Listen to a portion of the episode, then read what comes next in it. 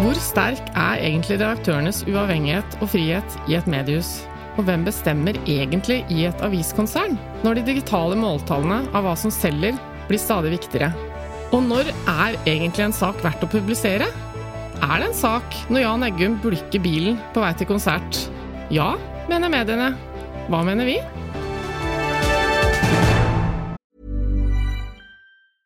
You should celebrate yourself every day, but some days you should celebrate with jewelry. Whether you want to commemorate an unforgettable moment or just bring some added sparkle to your collection, Blue Nile can offer you expert guidance and a wide assortment of jewelry of the highest quality at the best price. Go to BlueNile.com today and experience the ease and convenience of shopping Blue Nile, the original online jeweler since 1999. That's BlueNile.com. BlueNile.com. Hiring for your small business? If you're not looking for professionals on LinkedIn, you're looking in the wrong place. That's like looking for your car keys in a fish tank. LinkedIn helps you hire professionals you can't find anywhere else, even those who aren't actively searching for a new job but might be open to the perfect role. In a given month, over 70% of LinkedIn users don't even visit other leading job sites. So start looking in the right place. With LinkedIn, you can hire professionals like a professional. Post your free job on linkedin.com slash people today. Ja, det lurer vi på denne uka. Det lurer vi på denne uka. Hva mener vi egentlig? Jeg tror kanskje vi to mener litt forskjellig. Ja, det tror kanskje jeg òg. Ja. Det har vi jo blitt vant med. Ok, velkommen til Tut og mediekjør. Eh, Jeg tror det er uke 25. Men det sier vanligvis folk veldig lite. Jeg er helt, vet du hva, Når de snakker om ja, vi gjør det i uke 25, hvorfor sier folk det? Vi, vi aner jo ikke hva det er. Nei, Når, nettopp- når begynner den uka? Nettopp av den grunn så prøver jeg ofte å være pedagogisk når jeg sender mailer med sånne avtaler, og, og alltid skriver bak uke 25, så skriver jeg parentes hvilke datoer det dreier seg om. For da klarer, det her er akkurat som at eh, når man er i mammaperm, så driver man og snakker om hvilken, eller når man er gravid, hvilken uke man er i, Ja. og hvilken uke man er i før barnet blir ett år. Men det er Det er det eneste heller ingen til som klarer å Nei, altså Vi går jo ikke rundt med en sånn ukekalender i ryggmargen. Nei, vi gjør ikke det. Men det kan hende vi husker at det er 52 uker i året, og så at man klarer å tenke at eh, sånn cirka da rundt 25 så er vi halvveis i året. For det er vi faktisk nå. Ja, nå er vi halvveis. Nå er det snart sommer. Det er tut og mediekjør fortsatt. Dette er jo podkasten som forsøker å forklare deg hvordan mediene reagerer, agerer, hvordan de publiserer, hvordan de tenker. Hvordan det hele tatt, hvorfor gjør de som de gjør, og Ja. hvorfor ender det opp som nyheter i avisa eller på radio eller TV. Og denne uka her har vi hatt en litt interessant eh, passasje på Facebook-siden vår som vi kommer til å komme tilbake til, fordi eh, nettopp eh, det ble veldig tydelig for oss at eh, vi var litt kritiske til denne saken som vi snakket om i innledningen. Da. At Jan Eh, Eggen holder bulka Porschen sin på vei til konsert. Ja, og så, og så er det interessant da når eh, en journalist fra VG, som da denne saken kom fra, gjør litt rede for hvordan de hadde vurdert og tenkt og, og resonnert rundt beslutningen. Mm. Og da tenker jeg med en gang at ok, jeg er kanskje ikke 100 enig, men det var fint å høre hva dere har tenkt, og at dere har tenkt. Nettopp. Og så, og så tenker jeg at det er litt av greia her.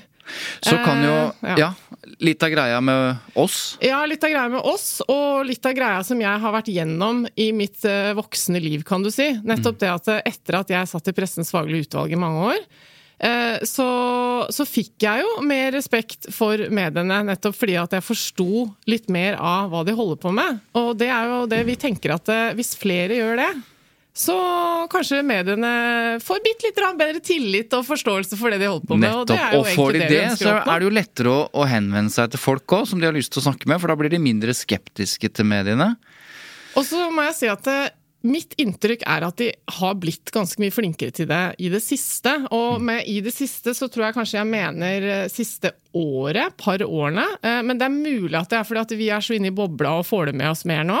Mm. Men jeg har et inntrykk av at jeg ser flere kommentarer fra redaktører i avisspaltene.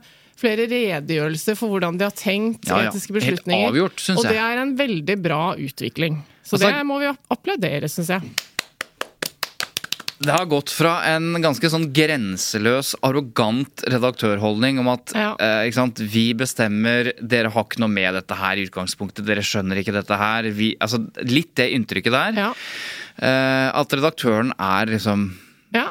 Unquestionable. Og, men også at journalister har litt den holdningen. Eh, Jeg har jo stått eh, og diskutert høylytt eh, på byen, nærmest, med, med journalister om saker som engasjerer meg. Hvor jeg også har følt litt på den derre Men altså, kan du ikke bare prøve å høre hva jeg sier? Eh, Fordi at jeg representerer antageligvis ganske mange menneskers instinkter og holdninger. Allmennheten. Eh, nettopp. Og, og den uh, følelsen har jeg aldri hatt når jeg har sittet i Pressens faglige utvalg, for der har det vært veldig Men på sånn byen, takhøyde. så Men kom- på byen, når jeg har møtt uh, enkelte ganger journalister i oppheta diskusjoner, så har jeg kjent litt på det at Mm. hvordan skal folk Altså, dere må da være litt åpne for å diskutere der- at ikke deres, dere vet alltid best, liksom. Det er jo ikke noe bra holdning å ha det når man møter publikummet sitt. Nei, det der har jeg tenkt mye på, øh, også i de 15 årene jeg var journalist. Hvorfor hadde jeg den holdningen om at jeg har rett?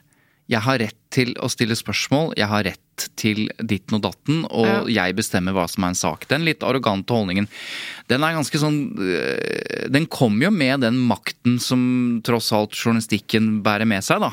Ikke sant? At, at man har Det er, står Det er samfunnsoppdraget å kunne stille kritiske spørsmål, og det er helt naturlig at de som blir gjenstand for den journalistikken, ikke liker det. Så de er vant til å få kjeft. Men jeg skal Ja. si en ting. Jeg, eh, jeg intervjuet eh, en journalist i forbindelse med det 22. juli-seminaret. Eh, og da sa han noe som på en måte eh, er kanskje det verste en journalist kan oppleve. Som, som jeg sier fordi det er relevant når man tenker på uh, hva slags kjeft journalister kan få fordi de setter vanskelige saker på dagsorden. Fordi de stiller spørsmål på et tidspunkt hvor det er upassende, eller hva det måtte være. Og da fortalte jo han at da de var på Sundvolden eh, og forsøkte å, å snakke med eh, de etterlatte eller de overlevende osv., så, videre, så ble det altså ropt eh, til journalistene når de var på sitt aller mest usikre, for de skjønte jo sjøl at det vi holder på med nå, det er helt i grenseland av etikk og grenseland av hva mennesker egentlig kan tåle.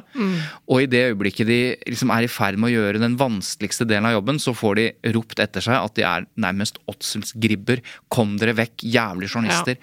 Og den opplevelsen der, når alle i hele Norge står sammen i sorgen, men det er noen som står på utsiden. Det er journalistene som skal rapportere om dette og Ja. grafse i det osv. Så, videre.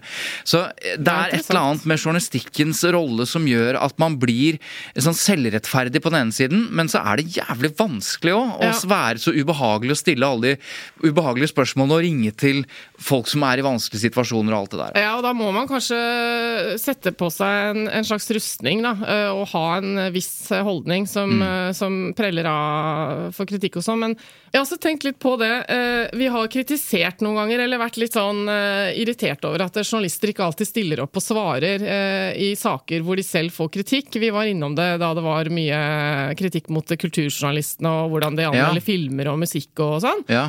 Uh, og da tenkte jeg litt på akkurat det, for det, uh, det er jo en sånn grunnholdning i, i redaksjonen at det, redaktøren svarer for det redaksjonelle produktet. Og så kan man bli litt irritert over det og tenke at det er så feigt når en eller annen musikkanmelder ikke stiller opp selv. Og så gjorde jo til, eh, til slutt han eh, i Dagbladet det som fikk så mye kritikk rundt Tix-anmeldelsen sin og sånn. da. Men, eh, men jeg kan forstå det litt òg i den konteksten vi diskuterer nå. At som journalist så er du ute og setter kritisk søkelys på alt mulig hele tiden. Og hvis du da skulle også måtte gå ut personlig og svare for alt du driver med til enhver tid, personlig, så ville jo de, det blitt en umulig oppgave, da. Ja, og noen prøver jo. Ja, ja, Eh, Fredrik, bra, det, altså, Fredrik Solvang eh, holdt på å si ble jo sliten av det, tror jeg. Når man eh, måtte For han ønsket å ta debattene om debatten. Nettopp. Men det Men tar han ga på. seg jo måtte- litt med det, for det, ble sikkert for mye. Ja. Mm, så okay. det er interessant, det der. Og, og da har vi kommet til runden rundt bordet, som om ikke dette var en slags runde rundt eh, over bordet, da. Ikke så farlig hva som er hva, vet du, Svein Tore. Nei, men jeg liker sånne-. Sånne, sånne stolper, da, som Ja, vi kaller det i journalistikken. At ja du har liksom Nå er vi dette. Nå er det, nå er det så, Hvis ikke så prater vi oss helt bort. Det er jeg helt sikker på. Vi har ikke noen programleder lenger, heller. Nei, vi har ikke det. det. Det får vi snakke mer om. Men, Hei, Christian! Håper du hører på. Ok, Jeg har en sak jeg, til Ja. min eh, lille runde over bordet. vær så god. Eh, Jeg har jo snakka mye eh, tidligere om det der meningsmålingstyranniet. Ja. Jeg er jo litt irritert over den der konstante praten i media om meningsmålinger annenhver dag i forkant av et valg, og det begynner jo lenge før Mm. et valg. Jeg holdt på å bli gæren av det under presidentvalget i USA. Og jeg forbereder meg mentalt på at det blir mye av det samme nå. Og endelig er det en voksen i gåsetegn, uh, altså en, uh, en med litt mer akademisk tyngde enn meg, som uh, er ute og mener det samme som meg, og da ble jeg litt glad. Det må jeg få lov å nevne. Altså. Ja. For valgforsker Bernt Årdal han eh, skriver, eller sier til Klassekampen at han frykter meningsmålingsmas i mediene, og at det mm, kommer til å svekke den politiske interessen i verste fall. Og det er ikke hvem som helst. altså Bernt Årdal er jo the man når det gjelder eh, valg og, og for så vidt meningsmålinger og valgforskning. da, En av de fremste i, eh, i landet. Så det er, eh, du har bra støtte der. Ja, det, det var veldig deilig, altså. Fordi Klassekampen har gjort en kartlegging, da, og det, den viser at eh, så langt så har det blitt utført 136 målinger eh, i år, da. Eh, og det er jo Mm. Det er nesten én hver dag, det. Ja, ikke sant? Ja, for nå måtte jeg tenke meg om på uker og dager i år og sånn, men det, det blir kanskje nesten én hver dag, ja. 0,8 tror jeg det blir hvis jeg tar kjapp hoderegning. Ja, ja, ja, ja. Kjapp hoderegning viser 0,87 per dag. ja. Så, um, det det, sier jo litt, ikke sant. Og jeg eh, har også fortalt før at det, min, mitt nyhetskonsum dreier seg veldig mye om podkaster, faktisk. For det kan jeg gjøre samtidig med andre ting. Mm. Og det er veldig mange av disse podkastene som jeg setter pris på fra mediehusene. Men det er jo mye politisk eh, tematikk de diskuterer der. Mm. Uh, og de er jo ærlige på Også Anders Giæver har jo vært ærlig i sin podkast på at eh, vi journalister vet du, vi, og kommentatorer vi liker jo mer spill enn politikken. Vi elsker når det er mye drama og noe Mm. vi kan diskutere rundt. og sånn, Det sier han jo helt ærlig, og det kan jeg absolutt forstå. Men det er ikke så bra å Eller ja, det er bra å være ærlig, men det er jo ikke så bra å tilkjennegi Eller hvis de fleste journalistene er mer opptatt av politiske spillet enn det politiske innholdet, så, og det er det jo ikke. Men kanskje kommentatorer er det? Jeg vet ikke. Ja, eller altså, det, Sånn som jeg forstår hans poeng når han sier det, er jo bare at det, da er det noe å snakke rundt. ikke sant? Vi kan sette politikerne opp mot hverandre, og så er det en måling her og der som viser at nå er det litt, eh, litt fart på det partiet, og så går det to uker, og så er det tilbake igjen. og sånn. Og Det som irriterer meg, er jo da at jeg føler at jeg bruker så mye tid på å høre på og lese om eh, sånn betydningsløse svingninger i meningsmålinger lenge før et valg. Da. Ja, da. For at du har jo ledd litt av meg når du sier at eh, ok, det du egentlig bare vil ha, er én valgdagsmåling, og Ja. før det så skal det bare rapportere. Du får bare liksom. leve i spenning om Eh, hvordan det går. Og liksom, jeg skjønner jo at så ille kan det ikke være, men jeg er jo liksom frista til å si at eh, i min perfekte verden så hadde det nesten vært sånn. Okay. Men, men han har jo et ganske godt sitat her. Han er Årdal. Eh, Han sier jeg tror mediene skal være forsiktige med hesteveddemålsjournalistikk, Ja. fordi det kan være mot folks interesse. Om denne politiske dekningen bare handler om spill, så kan det undergrave tillit til politikerne og det større demokratiske systemet. Og det er jo eh, det, det, er jo det som er litt ditt poeng også. ikke sant? At da, Hva er igjen da? Liksom, hvor er det politiske innholdet? Én ting er spenningen og drama rundt målinger, og det er jo faktisk et, et reelt politisk spill som er viktig nå.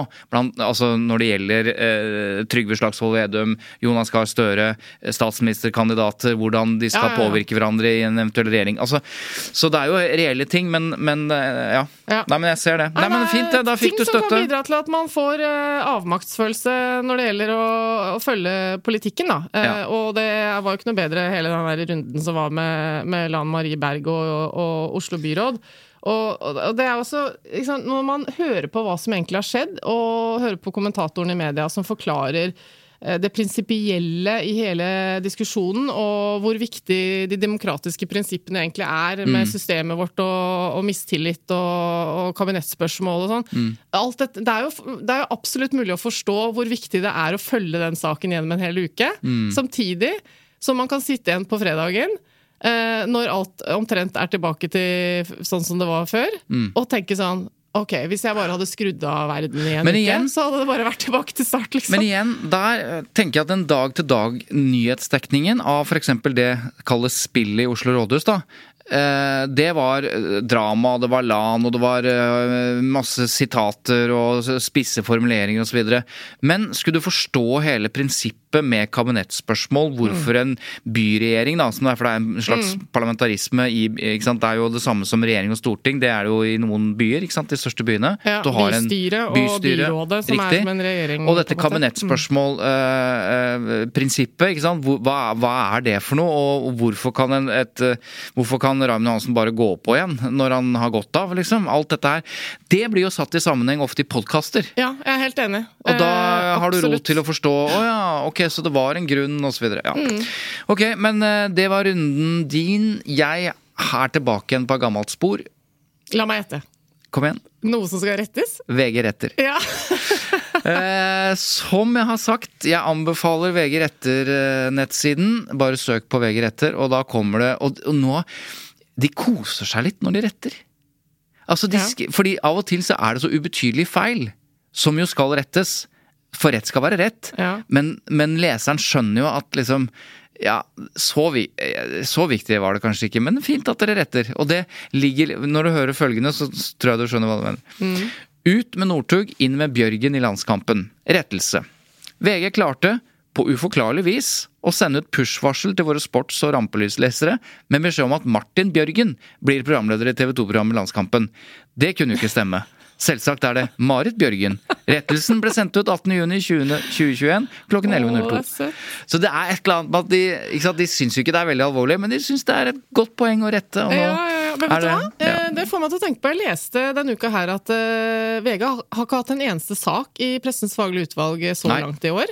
Uh, og det er søren meg ganske imponerende, må jeg si. Og det kan være mange grunner til det. For det skal sies da at eh, Presseforbundet og Pressens faglige utvalg de oppfordrer jo mediene til å til å finne såkalt eh, minnelige løsninger. Mm. Eh, og det vil jo si at uh, istedenfor å ende opp med en klage PFU som tar masse folk sin tid, og, og kanskje tar fokus vekk fra viktigere saker og sånn, så, så ønsker eh, Presseforbundet at eh, redaksjonen skal gå i dialog med den som føler seg forulempet eller dårlig behandlet, og så finne en løsning på bakrommet, for å si det sånn. Og jeg husker at eh, da jeg satt i PFU, så syntes jeg egentlig det var en litt sånn sneaky greie.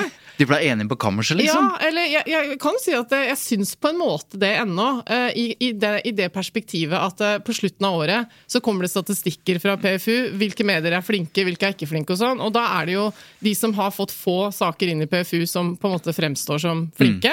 Mm. Men det kan også være det samme mediehuset som, som er de som er flinke til å ordne opp på bakrommet og sånn. Men uansett, det viktigste er jo at det blir ordna opp i, og at den som føler seg dårlig behandlet, eh, får en bedre følelse etterpå. Ja. Og hvis VG er flinke til det, nemlig å si ok, du opplever det sånn, vi hører hva du sier, det er ikke bra, og så går man inn i en eller annen rettelse og Jeg sånn. tror, jeg tror at dette har eh, noe å gjøre med at VG har de siste tiden årene gått på noen Smeller. karameller av astronomiske eh, dimensjoner. Ja, De var jo selvfølgelig den saken som var eh, i sentrum i denne Giske Sofie Ja, og det er ikke bare det at de liksom Oi, det må vi ikke gjøre. Men, men det, har- det har jo vært et veldig stort og tungt arbeid i VGs redaksjoner. Ja eh, Mm. internt, på etikk, eh, på regler, på nye kjøreregler. Ja. Som er eh, beundringsverdig og prisverdig, og jeg tror vi ser resultatene av det. Ja, jeg- For de har jo ikke blitt jeg blitt vil tannløse. at vi ser resultatet av det.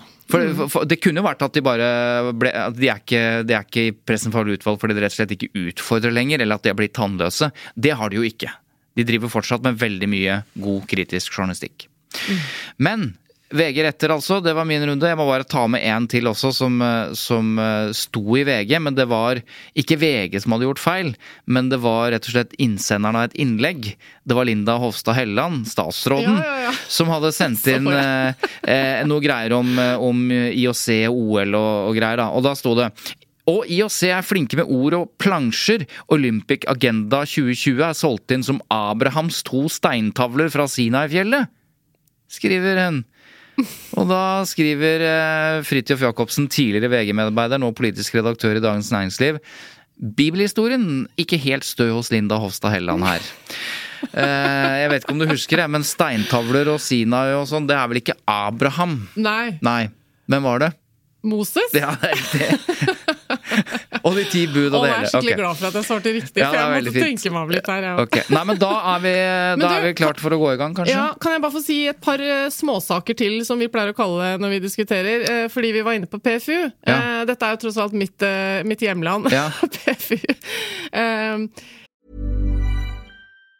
Planning for your next trip? Elevate your travel style with Quince. Quince has all the jet setting essentials you'll want for your next getaway, like European linen, premium luggage options, buttery soft Italian leather bags, and so much more. And it's all priced at 50 to 80% less than similar brands. Plus, Quince only works with factories that use safe and ethical manufacturing practices. Pack your bags with high-quality essentials you'll be wearing for vacations to come with Quince. Go to quince.com slash trip for free shipping and 365-day returns. I'm Sandra, and I'm just the professional your small business was looking for. But you didn't hire me because you didn't use LinkedIn jobs. LinkedIn has professionals you can't find anywhere else, including those who aren't actively looking for a new job but might be open to the perfect role, like me. In a given month, over 70% of LinkedIn users don't visit other leading job sites. So if you're not looking on LinkedIn, you'll miss out on great candidates like Sandra. Start hiring professionals like a professional. Post your free job on linkedin.com/people today.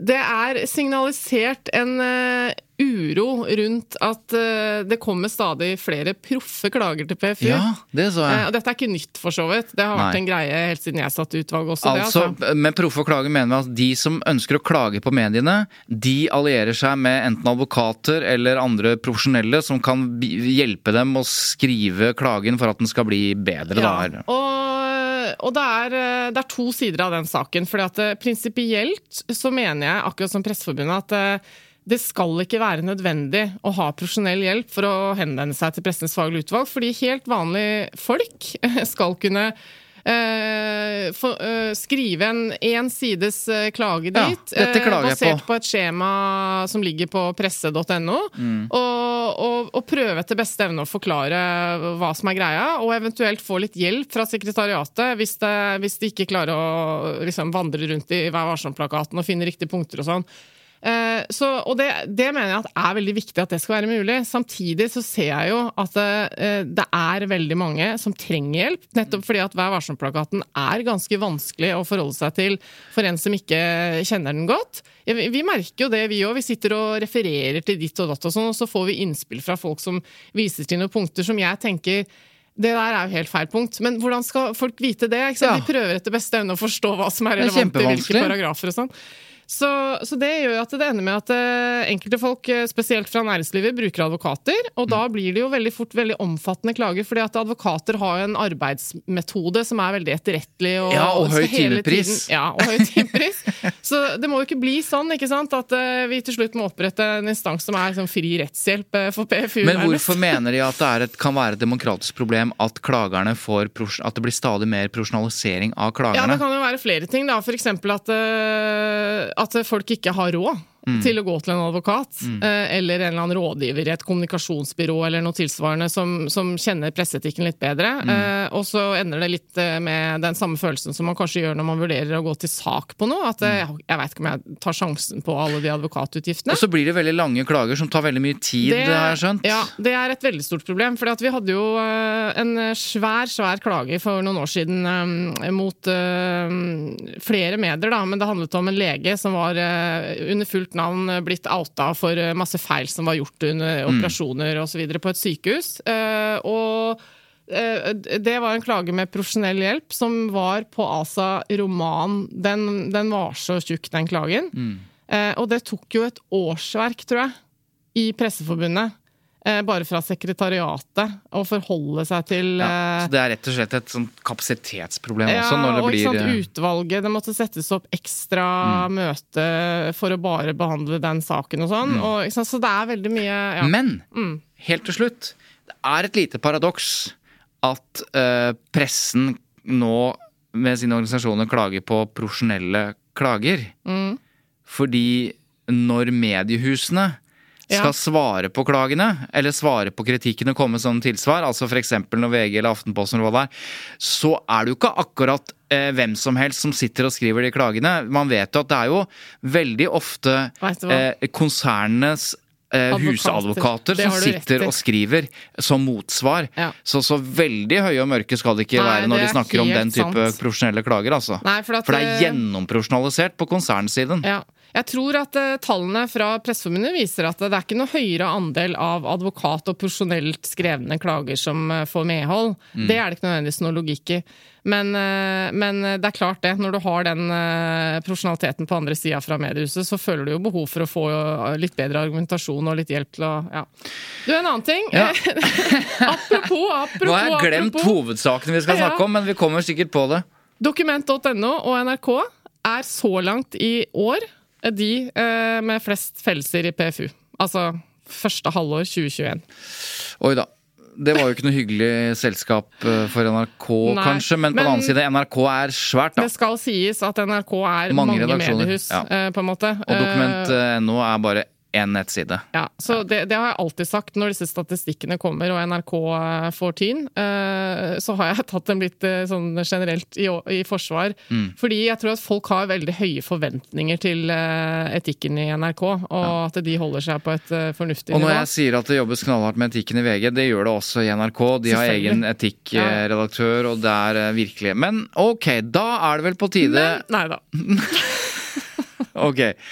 Hovedsaken som vi stilte spørsmål ved, er jo det som vi var inne om så vidt sist, nemlig redaktørens frihet, uavhengighet. Den ansvarlige redaktøren. Og saken er ganske enkel at i en avis i Trondheim, Nidaros, tilhørende konsernet A-media, så er det eh, den ansvarlige redaktøren som eh, først kom med et varsel og sa at her blir jeg forsøkt styrt av eh, styret, styreleder.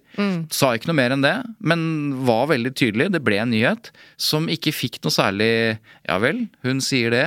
Og dette er jo et veldig viktig prinsipp, så det er litt rart at det ble, ikke ble noe mer bråk. Så valgte hun å gå ut helt konkret, som vi snakket om sist, med tekstmeldinger og e-poster for å vise at styrelederen faktisk hadde forsøkt å instruere, eller i hvert fall lagt seg opp i enkeltsaker, hva som hun burde ha mer av, og hva som hun burde ha mindre av. Og da var det et eksempel på det tekstmelding. Ja. ja. og da var det et eksempel på en melding, eh, eller flere meldinger, som handla om at eh, hvorfor skriver dere ikke mer om sexrelaterte ting? Naboer som er irritert på ditt og datt, og dieselbiler og bompenger og den type pop populære saker, da.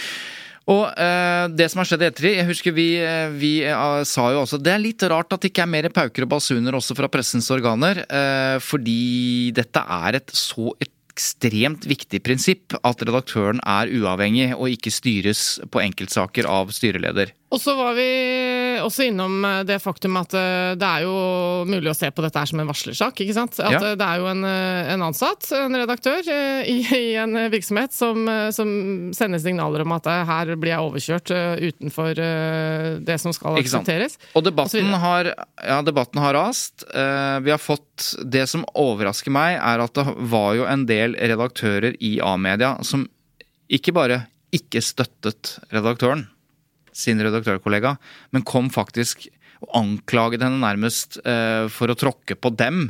For å insinuere at hvis du var redaktør i A-media, så ble du styrt. Altså Mm. den logikken der. Ja, du fikk behov for å forsvare redaktørrollen i A-mediasystemet. ikke sant? Riktig. At kom ikke Det her så og si det, for det gjelder ikke oss. helt ko-ko ut, for Ja. å være helt ærlig. Ja.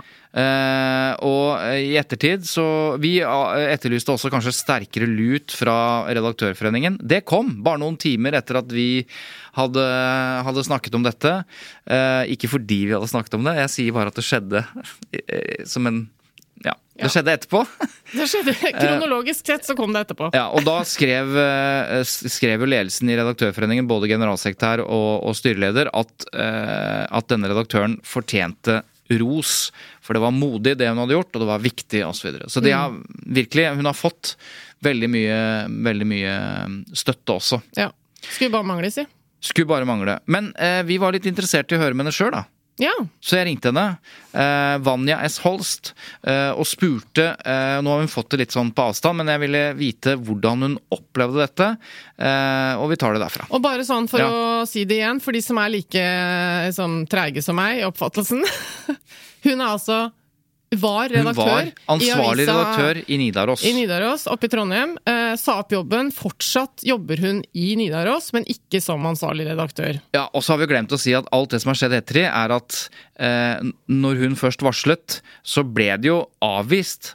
Ja. Styrelederen sa at 'jeg har ikke påvirka noen ting'. Ja. Og når hun da la fram dokumentasjon på det, så endte det med at han til slutt trakk seg som styreleder, og Amedia har gjort masse, og rydder opp, omorganiserer styret på, og sier at dette, dette skal ikke skje. Så her skjedde jo det som skjer i veldig mange saker, som pressen uh, sørger for. ikke sant? At eh, det er noe Mm. Varselgreier, og så stiller de spørsmål. men det skjedde ikke med en gang. Nei. Ikke sant? Da var det tyst. Ja. Hun måtte vise Hun måtte bryte sin egen ansettelsesavtale og vise fram ting hun ikke egentlig kan vise fram, Altså, før var- A-media reagerte.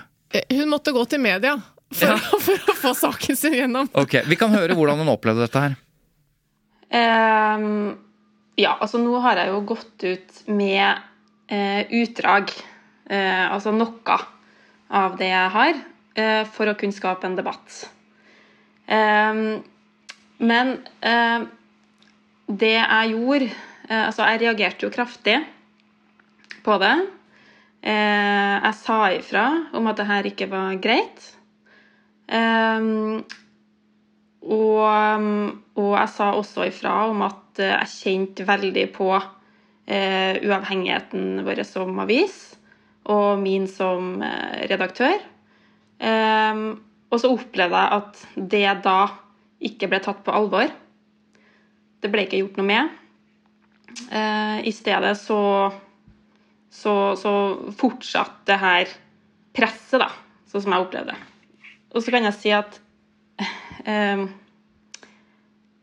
Det jeg ønska å gjøre, da, det var jo å prioritere mer undersøkende journalistikk. Mer dagsordensettende eh, journalistikk. Eh, ønska å gjøre det i større grad. Eh, men det er klart at det går utover kortsiktig gevinst. Eh, og det eh, tror jeg er foranledningen til det hele. Du har fått varm støtte, men også redaktørkolleger i A-media som mener at du sitat tråkker på deres integritet som redaktør, var det en av redaktørene som sa. Eh, Blant annet fordi man eh, ja, stiller spørsmål eh, nærmest ved det du gjør, og da stiller man spørsmål ved hele, med hele redaktørkollega. Kan du si noe om hvordan du har opplevd reaksjonene, både de positive og de negative? Ja, jeg har fått eh, veldig mange meldinger og telefoner etter at jeg gikk ut i Klassekampen. Eh, og de har eh, Alle som har kommet direkte til meg, har vært bare støttende. Eh, det har vært, eh, vært eh, folk som har ønska den, den debatten her, eller dem, debattene her, velkommen. Og, og støtta meg i, i det jeg gjorde.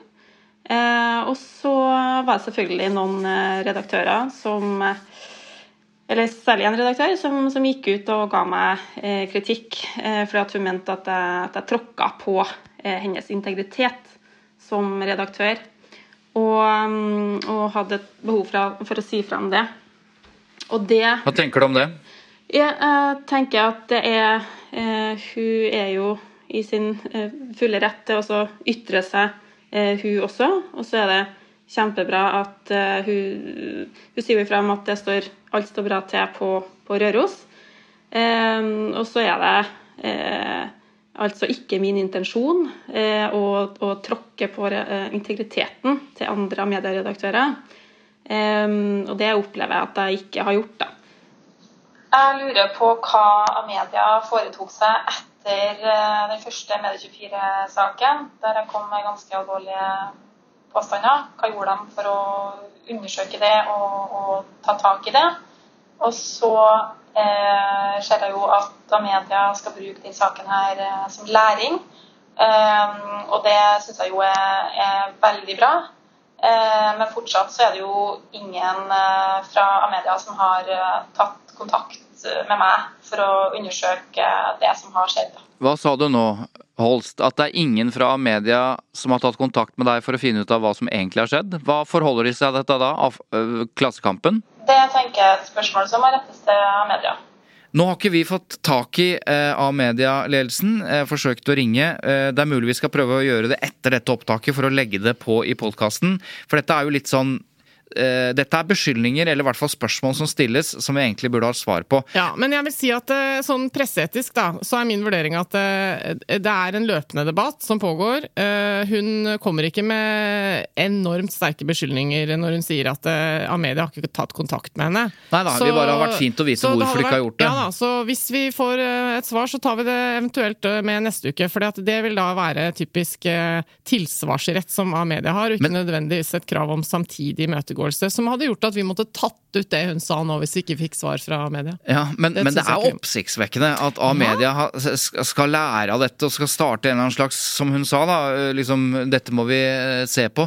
Og så er det ingen fra sentral ledelse i A-media som har tatt kontakt med henne og hørt hvordan, hvordan hang dette sammen? Eh, Hva, Ja, fordi at eh, Hvis vi tar eh, utgangspunkt i at dette er en varslersak, som vi var innom, da, så er det jo veldig rart at ikke da noen i organisasjonen på HR et eller annet kaller henne inn til en prat. For å, for å slippe å prosedere dette gjennom mediespaltene, men Mm. rett og slett gjøre en ordentlig internsak av det. Vi eh, har også fått flere henvendelser eh, da vi sa at vi skulle snakke om denne, fra redaktører i A-mediekonsernet. Ja. Og ingen av dem, i hvert fall ikke av de vi har snakket med, ønsker å uh, stå åpent fram. Nei. Men de gir oss noe bakgrunn eh, som er ganske sånn skal vi si i overensstemmelse faktisk med det eh, Vanja Holst opplever. Og flere redaktører har sendt oss eh, bekymringsmeldinger, da, la oss kalle det det. Men siden de ikke kan, eller ønsker å stå åpent fram, så kan jo ikke vi heller bruke det sånn helt eh, Hva skal Nei. vi si? Både redaktører og journalister har Ja. uttrykt eh, at de er frustrert da, over at dette ikke blir håndtert bedre. Men det som, eh, det som uttrykkes, da, blant annet, det er jo at eh, det blir jo vanskelig eh, å tale eh, liksom, ledelsen i A-media midt imot når man ser hva som skjedde med Vanja Hals. Det er noe av beskjeden. Ikke sant? At når hun varsler, så blir liksom blir hun på sett og vis forsøkt nullet ut, eller troverdigheten blir trukket i tvil. Eh, og hun må gå til det skrittet som vi nevnte i stad, eh, og vise dokumentasjonen. Og det er ikke Og det var vel det Trygve Aas Olsen, fagmedarbeider i, eh, i, på Institutt. Institutt for journalistikk, som skrev. Sånn behandler man rett og slett ikke en varsler. Nei, og det, er en annen ting som har kommet eh, som folk er litt frustrert over, er at uh, ikke bransjemediene, som er disse M24, liksom, sant, Medie24 og journalistene osv., som Mm. skriver om den type uh, forhold i mediebransjen, at de ikke har uh, fulgt opp saken sånn at det endte opp med at hun måtte gå til media, som jeg sa i stad. Ja, gå til Klassekampen. Ikke sant. Med, Nå har de til gjengjeld kjørt full pupp på, på denne saken, da. Ja da, Både journalistene journalisten og har de. Medie24. Men de reagerte ikke Nei. på samme måte. første gangen. Nei. Ja, ok.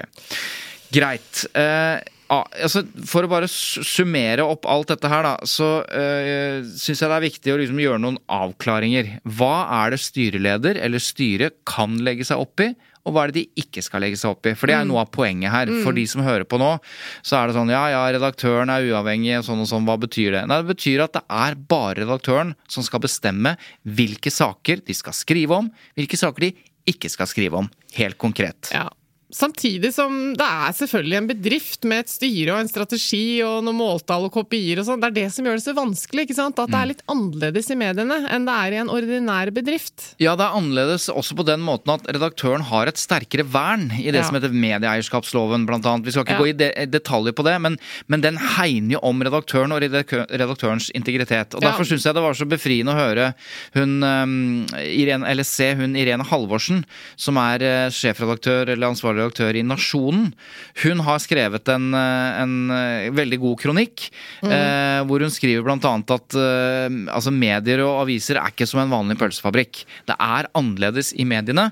Men jeg ringte henne og hørte eh, Det er jo fortsatt sånn at de, som du sier, at de har et styre, og styret er interessert i den redaksjonelle strategien fordi butikken skal gå. Eh, og da er hun veldig tydelig på liksom forskjellen her, da. Og ikke minst at redaktører blir jo primært presset av andre aktører enn sin egen styreleder.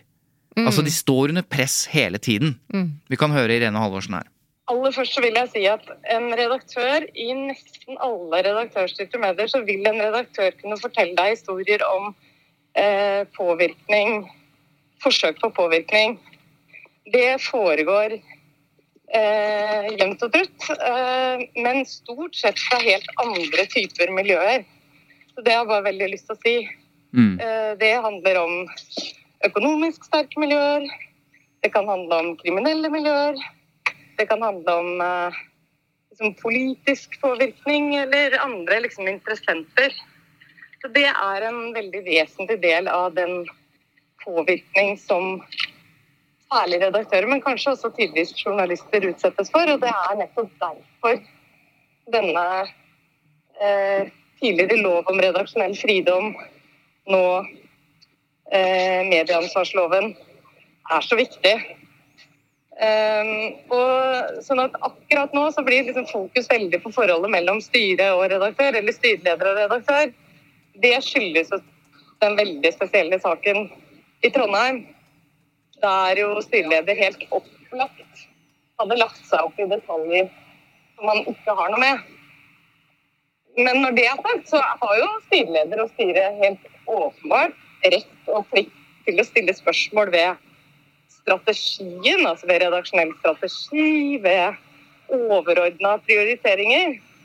Det er jo helt legitimt innenfor styret og styreleders oppgave, rett og slett fordi at det handler om om man f.eks. er i stand til å nå redaksjonelle mål, om man utfører samfunnsoppdraget, om man eh, vokser så mye som man kanskje burde gjøre, sånn som markedssituasjonen er.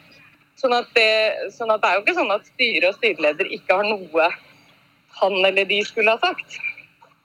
Eh, men detaljer knytta til enkeltsaker og detaljer knytta til enkeltstående prioriteringer, det skal ikke styreleder drive med. Og det var akkurat som du sa, Eva.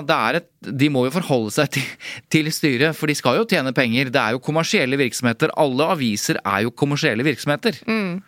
Ja, så det er jo eh, det er på en måte forståelig at styrelederen har surra det tillit her, eh, med tanke på at eh, man har en slags strategi.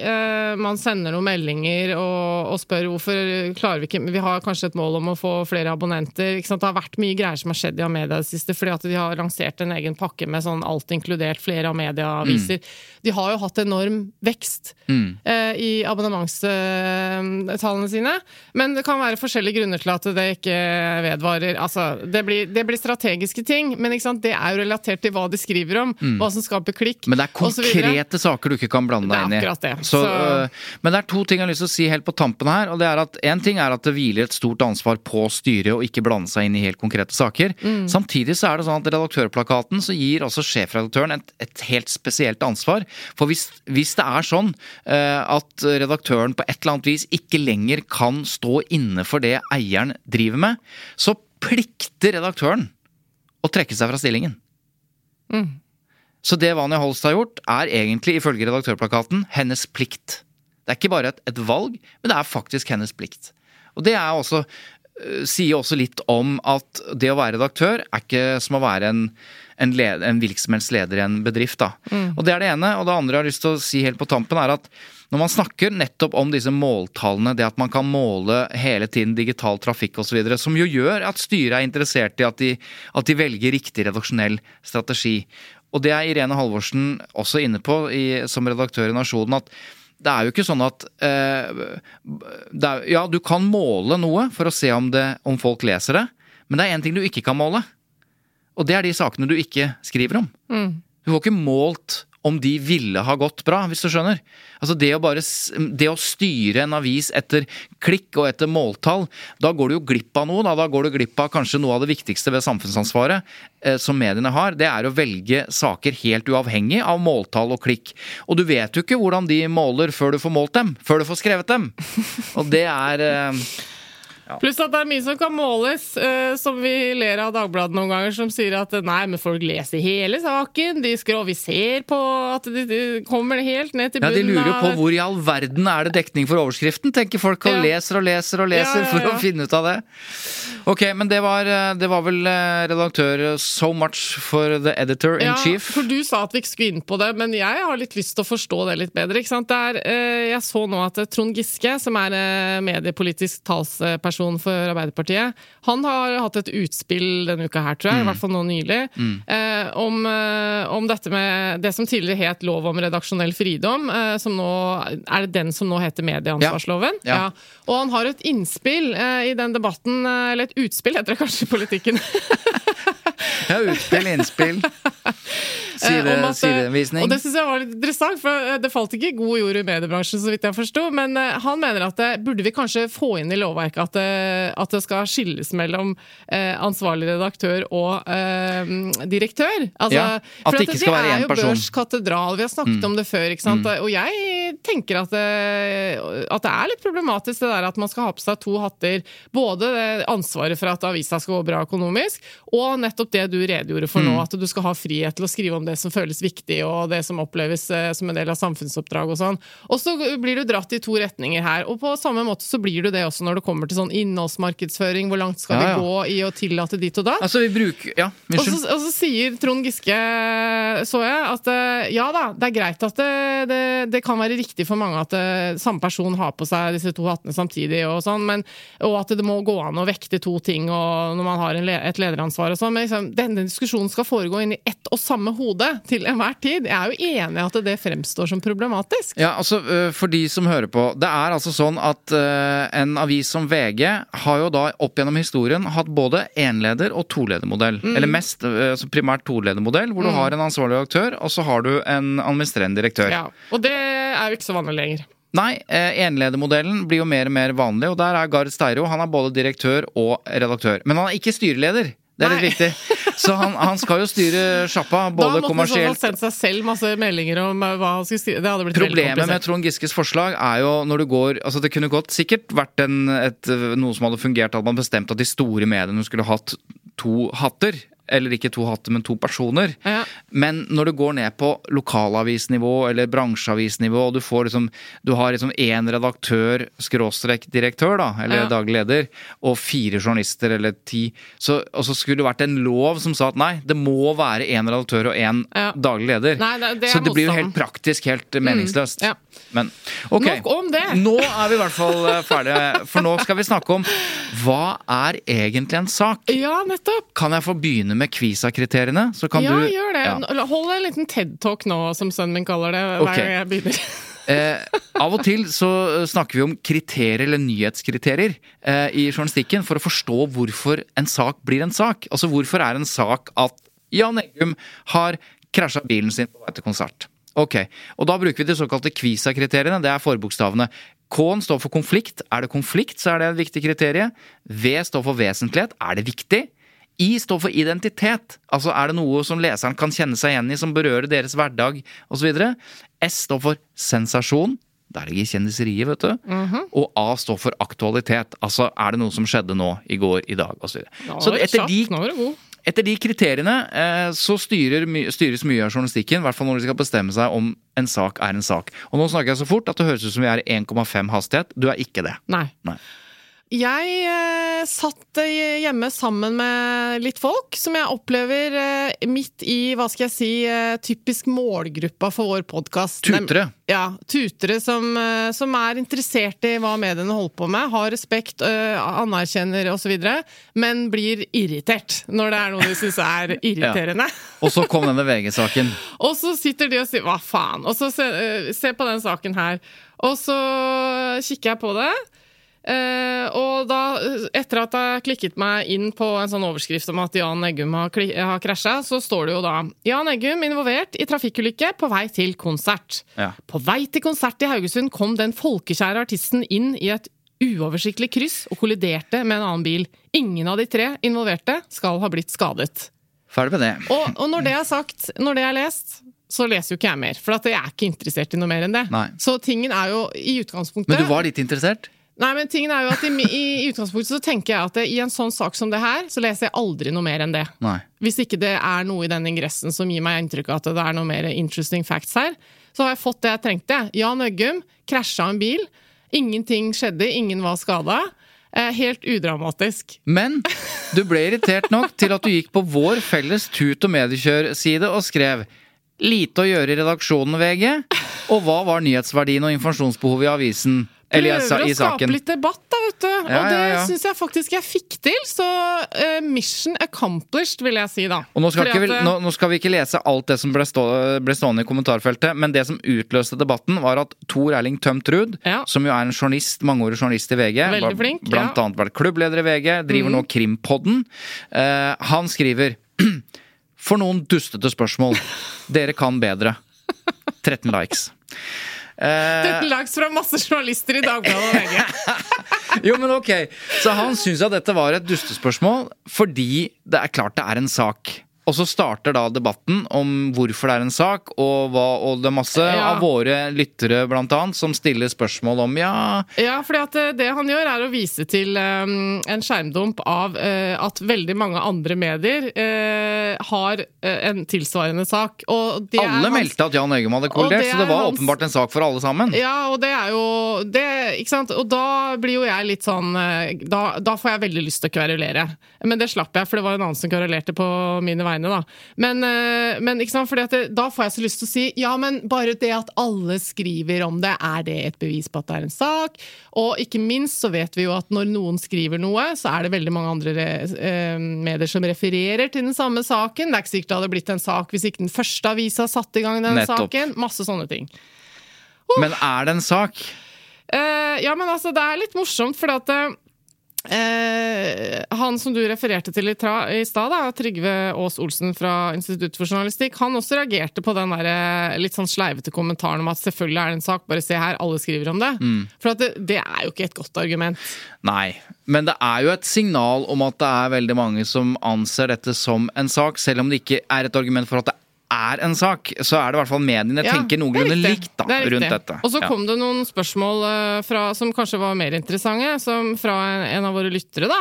eh, som, eh, som stilte spørsmål ved Ok, men du svarer noe i retning av at eh, eh, dette er jo først og fremst en sak Nå må du rette meg, Svein Tore, Mm. hvis jeg gjengir det feil, for vi må være rettferdige her mot uh, alle, alle parter i denne diskusjonen. Men, men veldig kort oppsummert så, så var det en slags argumentasjon om at det gikk jo bra. Så derfor så mener vi absolutt at det var en sak, fordi det, det var ingen som ble alvorlig skada osv. Og, Mm. og så stiller denne lytteren spørsmål men, ja, men er, er det ikke også det samme argumentet man ofte bruker når det ikke går bra? Altså, så refererte han til prinsesse Diana som faktisk døde i en uh, Det er, det, det er jo en sak om det er eh, både går til helvete og om det går bra, men det er ulike vurderinger og etiske vurderinger om hvor, hvordan de presenterer saken, om det er en sak nå eller etterpå Ja, osv. men han ble litt sånn litt kverulerende på en måte som jeg setter litt pris på. da, For det ble litt sånn Nettopp. Ok, så det er en sak når det ikke er noen skada, så er det en sak når noen dør, men er det et sted i midten der som dere ikke betrakter det som en sak, da? Eller hvordan er det dere egentlig Veldig fint kvarulerende. Men summa summarum så viser egentlig denne debatten at ok,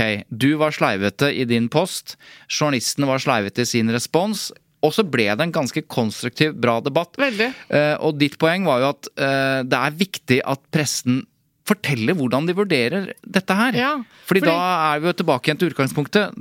Da skjønner vi mer av det, og kanskje ja. Fordi jeg opplevde jo da eh, det jeg tror jeg sa innledningsvis her også når vi begynte, at nå hører jeg hvordan dere har tenkt. Da får jeg i hvert fall bitte litt mer respekt for at dere valgte som dere gjorde. Eh, Det var fint, for at for meg raser ikke verden sammen eh, av at VG skriver en sak om at Jan Eggum har krasja bilen sin.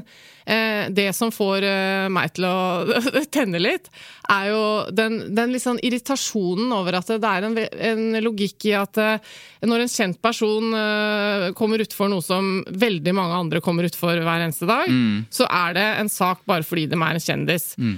Og, og det er logisk. Jeg har ikke noe problem med å akseptere at sånn er det i verden i dag.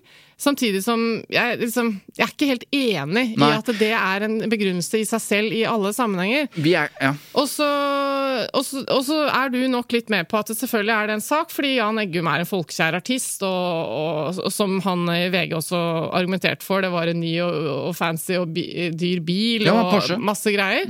Men, men øh, Og det, jeg driter på en måte i det. For det, det han også sa, som jo er et viktig poeng, er jo at øh, Jan Eggum selv prata villig vekk om dette når VG ringte, og han Ja, hadde ja. ikke noe problemer med liksom, at dette ble en sak og sånn. Det er jo ekstremt viktig detalj i diskusjonen, selvfølgelig. At han var helt sånn lattermild når han snakket med VG og hadde ikke noe issues med det.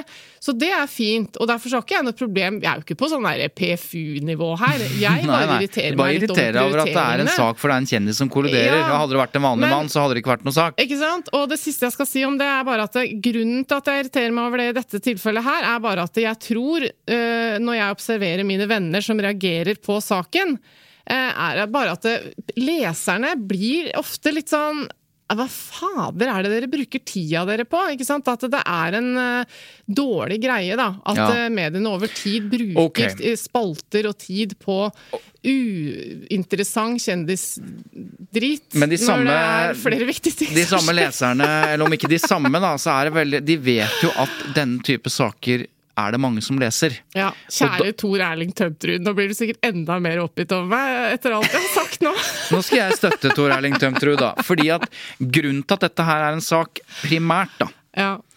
det er fordi nettopp at han ikke bare er kjendis, eh, men han er Når han er en kjent og kall det folkekjær person, da.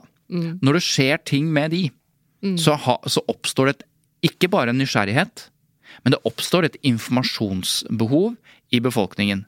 En, det er grunnen til at når kjente personer Hør nå. Når kjente personer dør, så blir det sak i avisa. Hvorfor det? Ikke når vanlige folk dør i avisa. Eller dør, ikke i avisa. ja, da er det jo ofte noen som skriver sånne krono... Nei, kronolog, nei, hva heter det?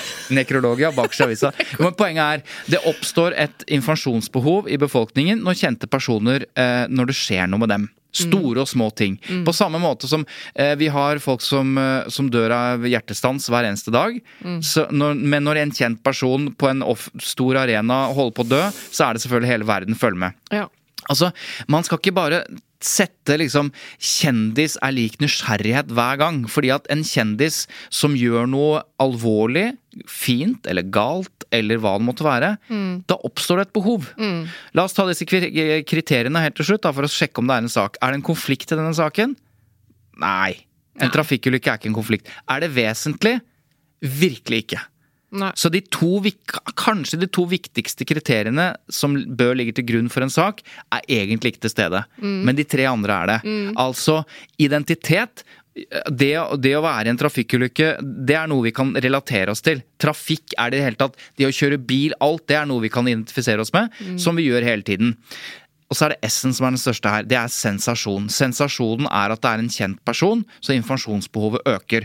Og så er det aktualitet. Ja, det skjedde nå på men- vei til konsert i Haugesund. Ja, men eh, Så jeg aksepterer din begrunnelse på vegne av eh, journalistene i Norge. Journaliststanden. ja. Men den, eh, den siste, nest siste sensasjon, der er jeg ikke helt enig. For det, det som er min opplevelse som gjør at jeg reagerer, er at jeg opplever at eh, pressen lager en sensasjon ut av noe som ikke er en sensasjon, og at de stadig vekk gjør det med ting som egentlig bare ikke er noe big deal, men som de slår opp og gjør til en big deal. Og det er egentlig den følelsen jeg sitter med i den type saker noen ganger. Ja da, og jeg er At, ikke- eh, jeg er ikke det er uenig i det, jeg heller. en sensasjon at noen Og, så, Og vi trenger ikke så mange av de sakene, men, Nei. men det, ja. for ikke når jeg fikk mer informasjon fra Tor Erling eh, i den tråden om hva som hadde skjedd, og sånn, og fordi at jeg, som jeg sa, jeg leste jo heller ikke absolutt hele teksten når jeg fikk mer informasjon fra han, så skjønte jeg jo at det var eh, eh, kanskje litt større kollisjon, hvem som har kjørt på hvem og sånn, men, men i utgangspunktet så tror jeg at folk eh, opplever dette som veldig udramatisk når, de, udramatisk når de leser den ingressen, ikke Ja. sant? Det var en liten kollisjon, det var ikke Jan Eggums feil, ingen ble skadet. Han kom seg på konsert, ferdig snakka. Og da oppleves ikke det som en sensasjon. Men, men la oss bare også være enige om at hvis vi hadde fjernet konsekvent alle saker som handlet om Altså de sakene hvor det var hverdagslige ting som alle utsettes for, men det var en kjendis, så vi bare stryker hele kjendisbiten, og så sier vi ingenting om det. Å, da tror jeg verden hadde blitt perfekt for meg. Ok, Og så ser du for deg følgende. Så ser du for deg følgende. Ja, Sonja, dronningen Sonja, ja. kjører bil på egen hånd. Vet ikke hvorfor. Eh, litt rart at hun gjør det, men hun gjør det. Lånt en liten elbil på vei fra Henny Onsdag Kunstsenter, hvor hun har kanskje sånn. Og så krasjer hun i en rundkjøring. Og så kommer det en sykebil, og ingen vet hvordan det har gått. Eh, resultatet var antageligvis Eller la oss si at resultatet var at det gikk helt utmerket. Ingenting. Men i det øyeblikket dronning Sonja krasjer med den lille elbilen ved henne i Onsdag Kunstsenter, og folk begynner å se det og ta bilde av det, og VG får Da må de finne ut av hva som skjedde. Og alle Det oppstår et enormt informasjonsbehov. Større enn Jan Eggum på konsert, eller på vei til konsert. Så hvor går grensa her? Altså det at kjente mennesker utsettes for hverdagslige ting, vil i en gitt setting være en nyhet, fordi vi ønsker å vite om det har gått bra. ja. Ok. Eh, Det er forskjell på kjente mennesker, det er den ene tingen jeg har lyst til å si. Det er litt forskjell på monarken eh, og familien Ja til monarken. men hvor går og, grensa? Ja da. Ja. Eh, skal ikke si at eh, Jan Eggum ikke har, er viktig og sånn, så det, det, var bare, det var bare på generelt grunnlag er det forskjell på kjente mennesker. Helt enig. Ja. Men det er klart, eh, når man er inne på liksom, hva er en sak eller ikke, man kan stille spørsmål ved, ved i hvert fall en tredjedel av sakene Ja, på ja. nettside hele tiden. Og, og det, det andre jeg skulle si, som jeg kom på nå, er at eh, nå var jo dette eh, tilfeldigvis noe som jeg ble Som jeg fikk tilsendt der og da fordi noen? Dette var jo ikke noe svær eh, sak, eh, noe Nei, verre enn noe annet. Nei, du ble litt irritert. Eh, Nei, ja, men også det er urettferdig, kanskje. ikke sant? Når, eh, når de som har lagd den saken, eh, når jeg reagerer på den, og ikke masse annet som jeg syns er veldig mye verre, i helt andre medier osv. Så videre. så, men sånn er det nå, da. Vi driver ikke fullstendig medieovervåkning. Jeg har ikke tenkt å legge ut hver eneste gang det er en liten sak som irriterer meg om kjendisjournalistikk, for da tror jeg ikke jeg får gjort noe særlig annet. Men nå må vi gjøre noe. annet. Ja, vi må avslutte. Ja, det må vi! Ja, Er vi ferdige? ja visst. Vi har holdt på, gud hjelpe meg, omtrent like lenge som vanlig. Altså, dette her er jo vi, vi, Jeg tror vi må få oss en programleder som kan stramme oss opp litt. vi er fortsatt åpent. Ja. Vi er åpne for tilbakemeldinger Ja. på hvordan dette kakleriet funker. Men eh, la oss oppsummere ved å si at eh, hvis du liker det, Ja. altså generelt sett, så må Ja. du sette sånne stjerner og anbefale podkasten, så vi eh, stiger i eh, Hva heter det? Verdi, Stiger i verdi. An, anseelse osv.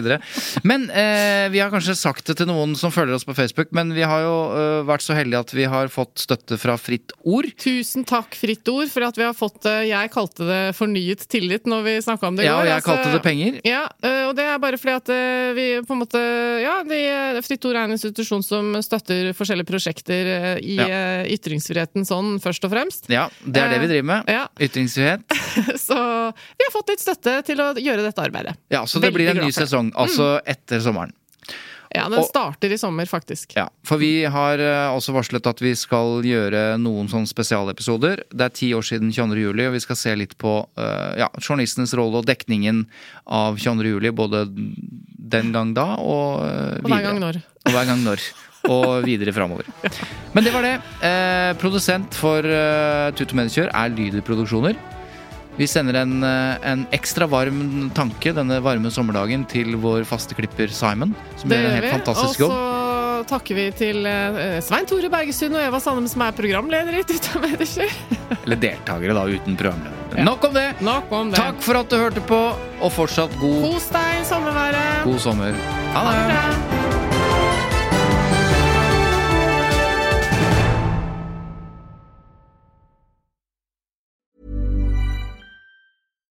Hi, I'm Daniel, founder of Pretty Litter. Cats and cat owners deserve better than any old fashioned litter. That's why I teamed up with scientists and veterinarians to create Pretty Litter. Its innovative crystal formula has superior odor control and weighs up to 80% less than clay litter. Pretty Litter even monitors health by changing colors to help detect early signs of potential illness. It's the world's smartest kitty litter. Go to prettylitter.com and use code ACAST for 20% off your first order and a free cat toy. Terms and conditions apply. See site for details. When you make decisions for your company, you look for the no brainers. And if you have a lot of mailing to do, stamps.com is the ultimate no brainer. It streamlines your processes to make your business more efficient, which makes you less busy. Mail checks, invoices, legal documents, and everything you need to keep your business running with stamps.com. Seamlessly connect with every major marketplace and shopping cart. Schedule package pickups and see your cheapest and fastest shipping options from different carriers with rates up to 89% off USPS and UPS rates. And with the Stamps.com mobile app, you can take care of mailing and shipping wherever you are. Make the same no-brainer decision as over 1 million other businesses with Stamps.com. Sign up with Code PROGRAM for a four-week trial, plus free postage and a free digital scale. No long-term commitments or contracts. That's Stamps.com. Code PROGRAM.